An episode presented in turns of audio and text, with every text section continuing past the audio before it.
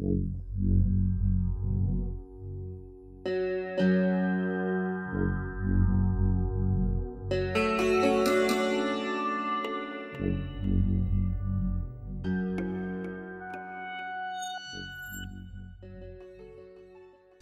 og hjertelig velkommen tilbake til Mysterium. Mitt navn er Herman Furuseth. Og mitt navn er Erik Lie.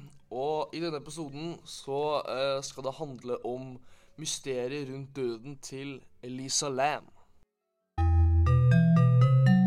Mysterium. Elisa Lam var jo en kanadisk student som gikk på University of British Columbia i Vancouver, eh, som ligger i Canada.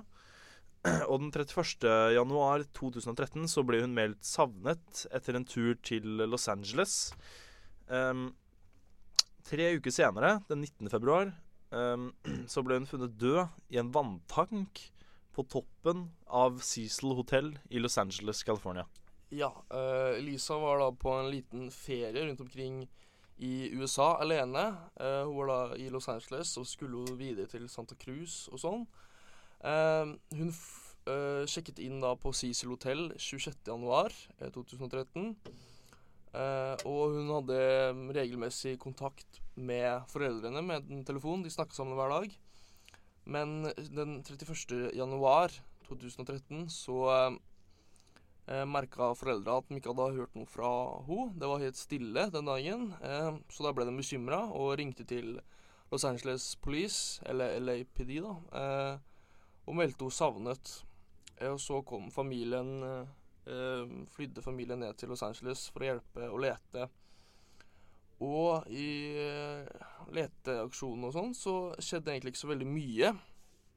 Eh, de hadde jo eh, mm, hjelp av hund eh, til å eh, lete rundt omkring i hotellet. De kunne ikke sjekke alle hotellrommene, for det hadde de ikke lov til. Men eh, de eh, lette rundt omkring eh, og fant egentlig ingenting. Og eh, 6. februar, altså nesten en uke etter, så fant de ut at de trengte mer hjelp. Og da begynte de å eh, lage sånne plakater og flyers, begynte å henge det rundt med ansiktet hennes. Um, men så 14. februar, to uker senere, eh, så velger da LAPD å eh, legge ut en eh, video eh, av overvåkningskamera på heisen i Cecil Hotel, som Ja. var da siste, mm, siste gangen hun har blitt sett. Og denne overvåkningsvideoen er da fra 1. februar. Eh, og vi skal jo snakke litt om den nå. Eh, og det er bare å søke opp Elisa Lam Elevator på YouTube, så kan man se den. Ja, det skjer litt mye rart på Ja, den, det er en eh, ganske så merkelig video. Eh, for i videoen så ser vi da at hun er inne i en heis, og hun driver og går ut og inn av heisen. Hun driver og veiver med armene. Eh, hun driver og står stille. Ser ut som at hun snakker med noen. Men det er ingen rett fra henne, så er det ingen, men det kanskje det er noen ned i gangen. Ja. Hun står der ganske lenge òg. Hun står der ganske lenge, det er flere minutter der hun går ut og inn i heisen. Og går inn i heisen, så går hun liksom ved knappene og ser ut som hun prøver å gjemme seg. Ja, på klippet så ser du at hun står helt innerst i hjørnet i heisen og Ja, hun ser redd ut, og Ja. det er veldig merkelig Veldig merkelig videosnutt. Eh, og denne videoen ble jo da raskt uh, veldig populær og gikk da uh, viral på internettet. Ble jo spredd rundt på flere nettsider og fikk flere millioner visninger. Og så 19. februar så skjedde det noe, Herman. Det gjorde det. Det var ca. tre uker eh, inne i letningsaksjonen. Eh, da begynte plutselig ho hotellets gjester å klage på at det var eh, lavt vanntrykk i vaskene. Og noen sa til og med at vannet var svart, og at det hadde en rar smak. Ja, Det er jo helt forferdelig, for det som eh, skjedde da, var at de fant liket da til Elisa Lam eh, oppe i en vanntank oppe på taket til Cecil Hotel. På taket, ja. Det var da på morgenen den eh, 19. februar. Og det er jo litt rart, da. Hvordan komme seg opp dit? Og hvordan komme seg opp i tanken? Eh, for det som var, er at de fant henne naken oppi denne tanken. Og med, med klærne og eiendelene hennes eh, rundt i vannet. Ja, og det som er litt merkelig her, da, er at der, eh, lokket til den tanken veier ca. mellom 15 og 20 kilo. For det her er svære Det er også fire vanntanker oppå, og, oppå på taket. Og de da eh, har 4000 liter med vann i seg, hver og en. Eh, så det er ganske svære vanntanker. Og eh, lokket det er jo, veier jo en del Jeg er ikke sikkert, men det var jo sånn 20 pounds eller noe.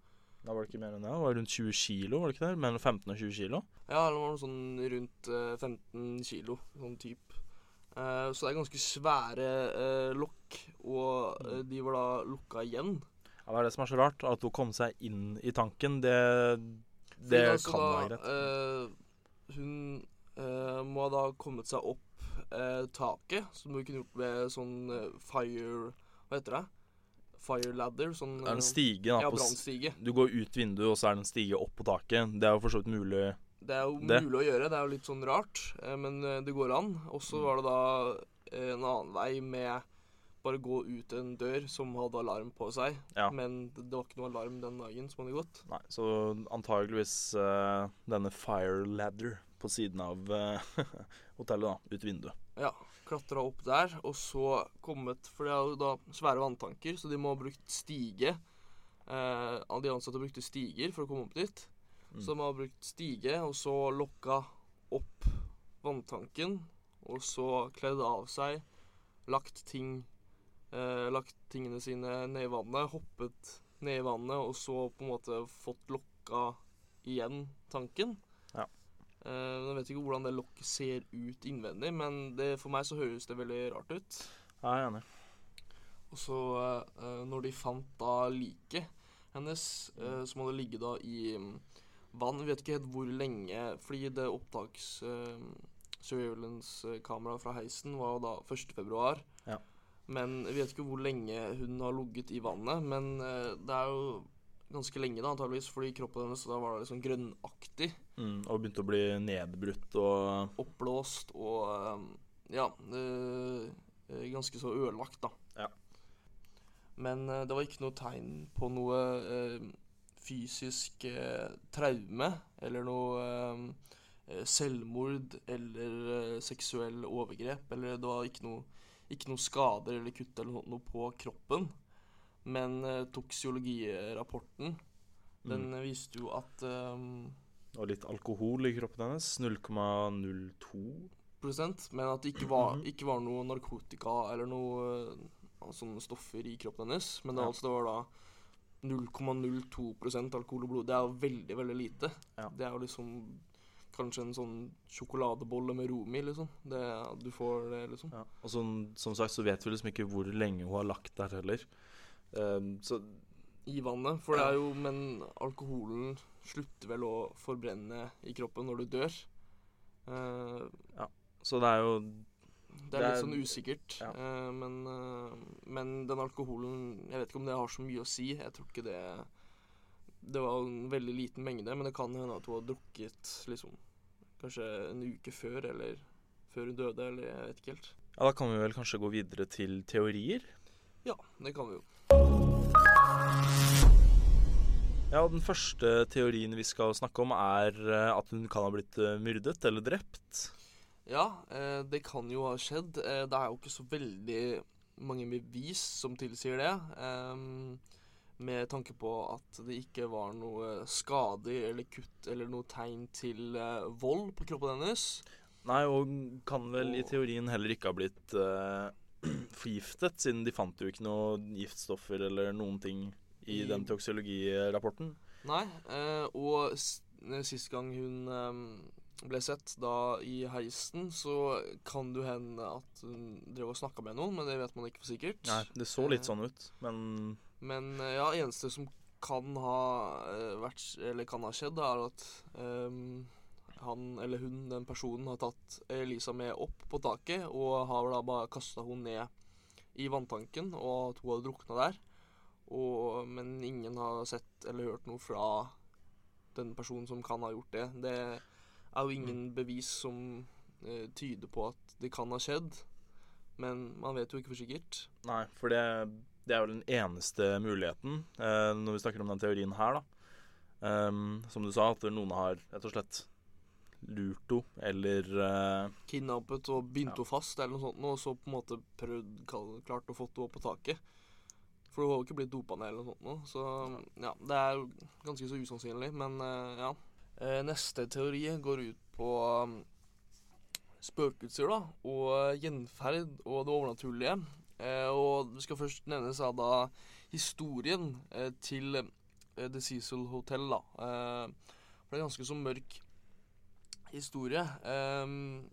I 1964 så var det et uløst mord der, eh, og seriemorder Jack Unterweger har bodd der i 1991. Eller Unterwager, er det kanskje? Han er Ja. australsk. Og så Black Dollar Murder. Det er en ganske så kjent sak. Eh, det er tydeligvis siste gangen hun har blitt sett, var inne på Cecil Hotel. En veldig interessant sak som kanskje vi lager en episode om eh, senere. Um, og kanskje mest kjente var da Richard Ramirez. eh, også kalt The Night Stalker, som var en brutal seriemorder som levde da på Cecil Hotel i ett år, fra 1984 til 1985, når han var aktiv.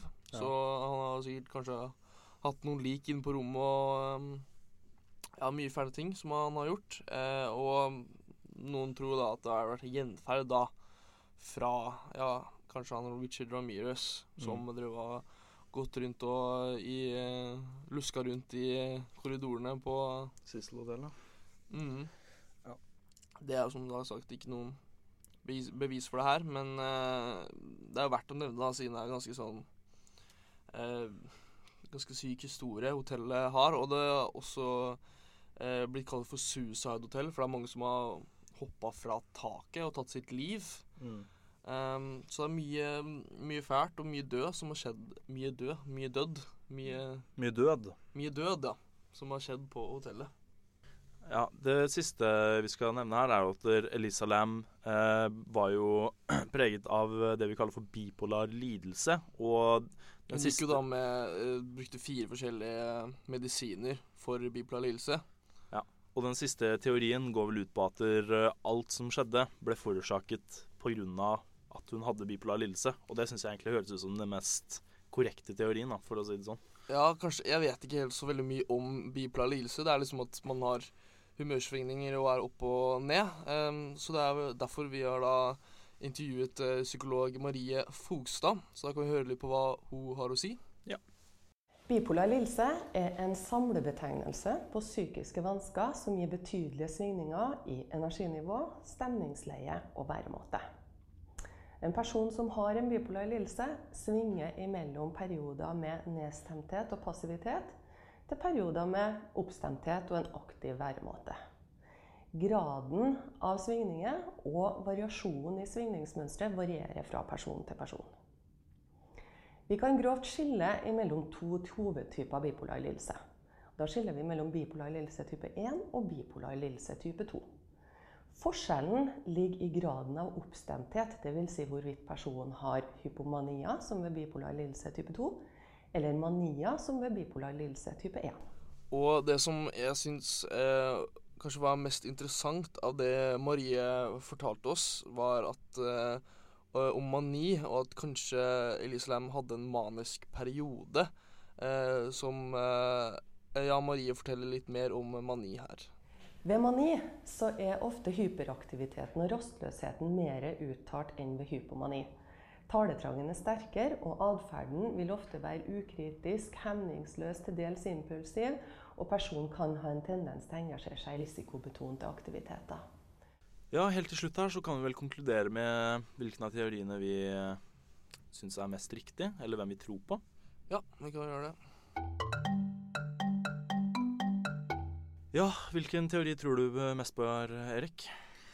Eh, det syns jeg er en veldig vanskelig sak. Det er en eh, veldig merkelig eh, Veldig merkelig og rar sak. No, jeg helt der, derfor liksom den har fått så mye oppmerksomhet som den har fått. Mm -hmm. um, og det er egentlig ingen av teoriene som skiller seg på en måte ut for meg som mest troverdig, men jeg tenker kanskje den um, siste, uh, med tanke på at hun hadde bipolar lidelse, at det kan ha vært noe med saken og er derfor hun opp, oppførte seg rart. Ja. Uh, og at hun gikk jo på eh, medisiner for den lidelsen, men man vet jo ikke Det kan jo hende at hun har sluttet å bruke medisinene. Det vet man jo ikke helt. Ja, fordi det står ingenting om det, om hun har brukt medisiner i denne den perioden. Og for meg da, så skiller helt klart den siste teorien seg ut. Eh, fordi når du har bipolar lidelse, som vi hørte også i intervjuet, så kan det forårsake en del rare ting. da. Ja, altså Hvis hun hadde en manisk periode, så blir du da mindre hemningsfull, og du kan gjøre impulsive ting, ikke sant? Så da Ja. eh, Så for meg så er det helt klart den som skiller seg ut. Og jeg tror rett og slett at det er eh, det at hun hadde bipolar lidelse, jeg tror at det er det som forårsaka hele den rare episoden. da. Men du vet aldri. Ja, jeg tenker, ja, jeg tenker også det. Eh, De to andre teoriene er jo ganske svake, med Ja. ingen solide bevis. Eh, med Det jo ingen sånn tegn på at hun vil eh, ta selvmord eh, heller, og at hvordan hun klarer å lukke igjen den svære tanken og sånn. Det er mye som er rart her. Ja, Så jeg, jeg lener meg litt mer på Vipla lidelse, jeg også. Ja, for den der spøkelsesteorien, den tror jeg bare er Unnskyld uttrykket, den tror jeg er bullshit. Eh, og det kan, for, kan jo for så vidt ha blitt dratt med opp dit, da, men Og Altså- kidnappet og blitt drept og liksom drukna på den måten. Ja, men liksom Da føler jeg at det må ha vært noen som har hatt motiv for å drepe henne. Og jeg vet ikke, men Det er vanskelig å si noe om, da. Men jeg tviler litt sterkt på at det er noen som har så sterkt motiv for å drepe en eh, stakkars student fra Canada, liksom, på tur til eh, Los Angeles. Så jeg, jeg nok en gang jeg, jeg er ganske sikker på at det er eh, den siste teorien der, altså. Jeg også, men um, foreløpig så vet vi ikke helt sikkert. Så uh, da blir eh, Elise Lam-mysteriet eh, fortsatt et mysterium.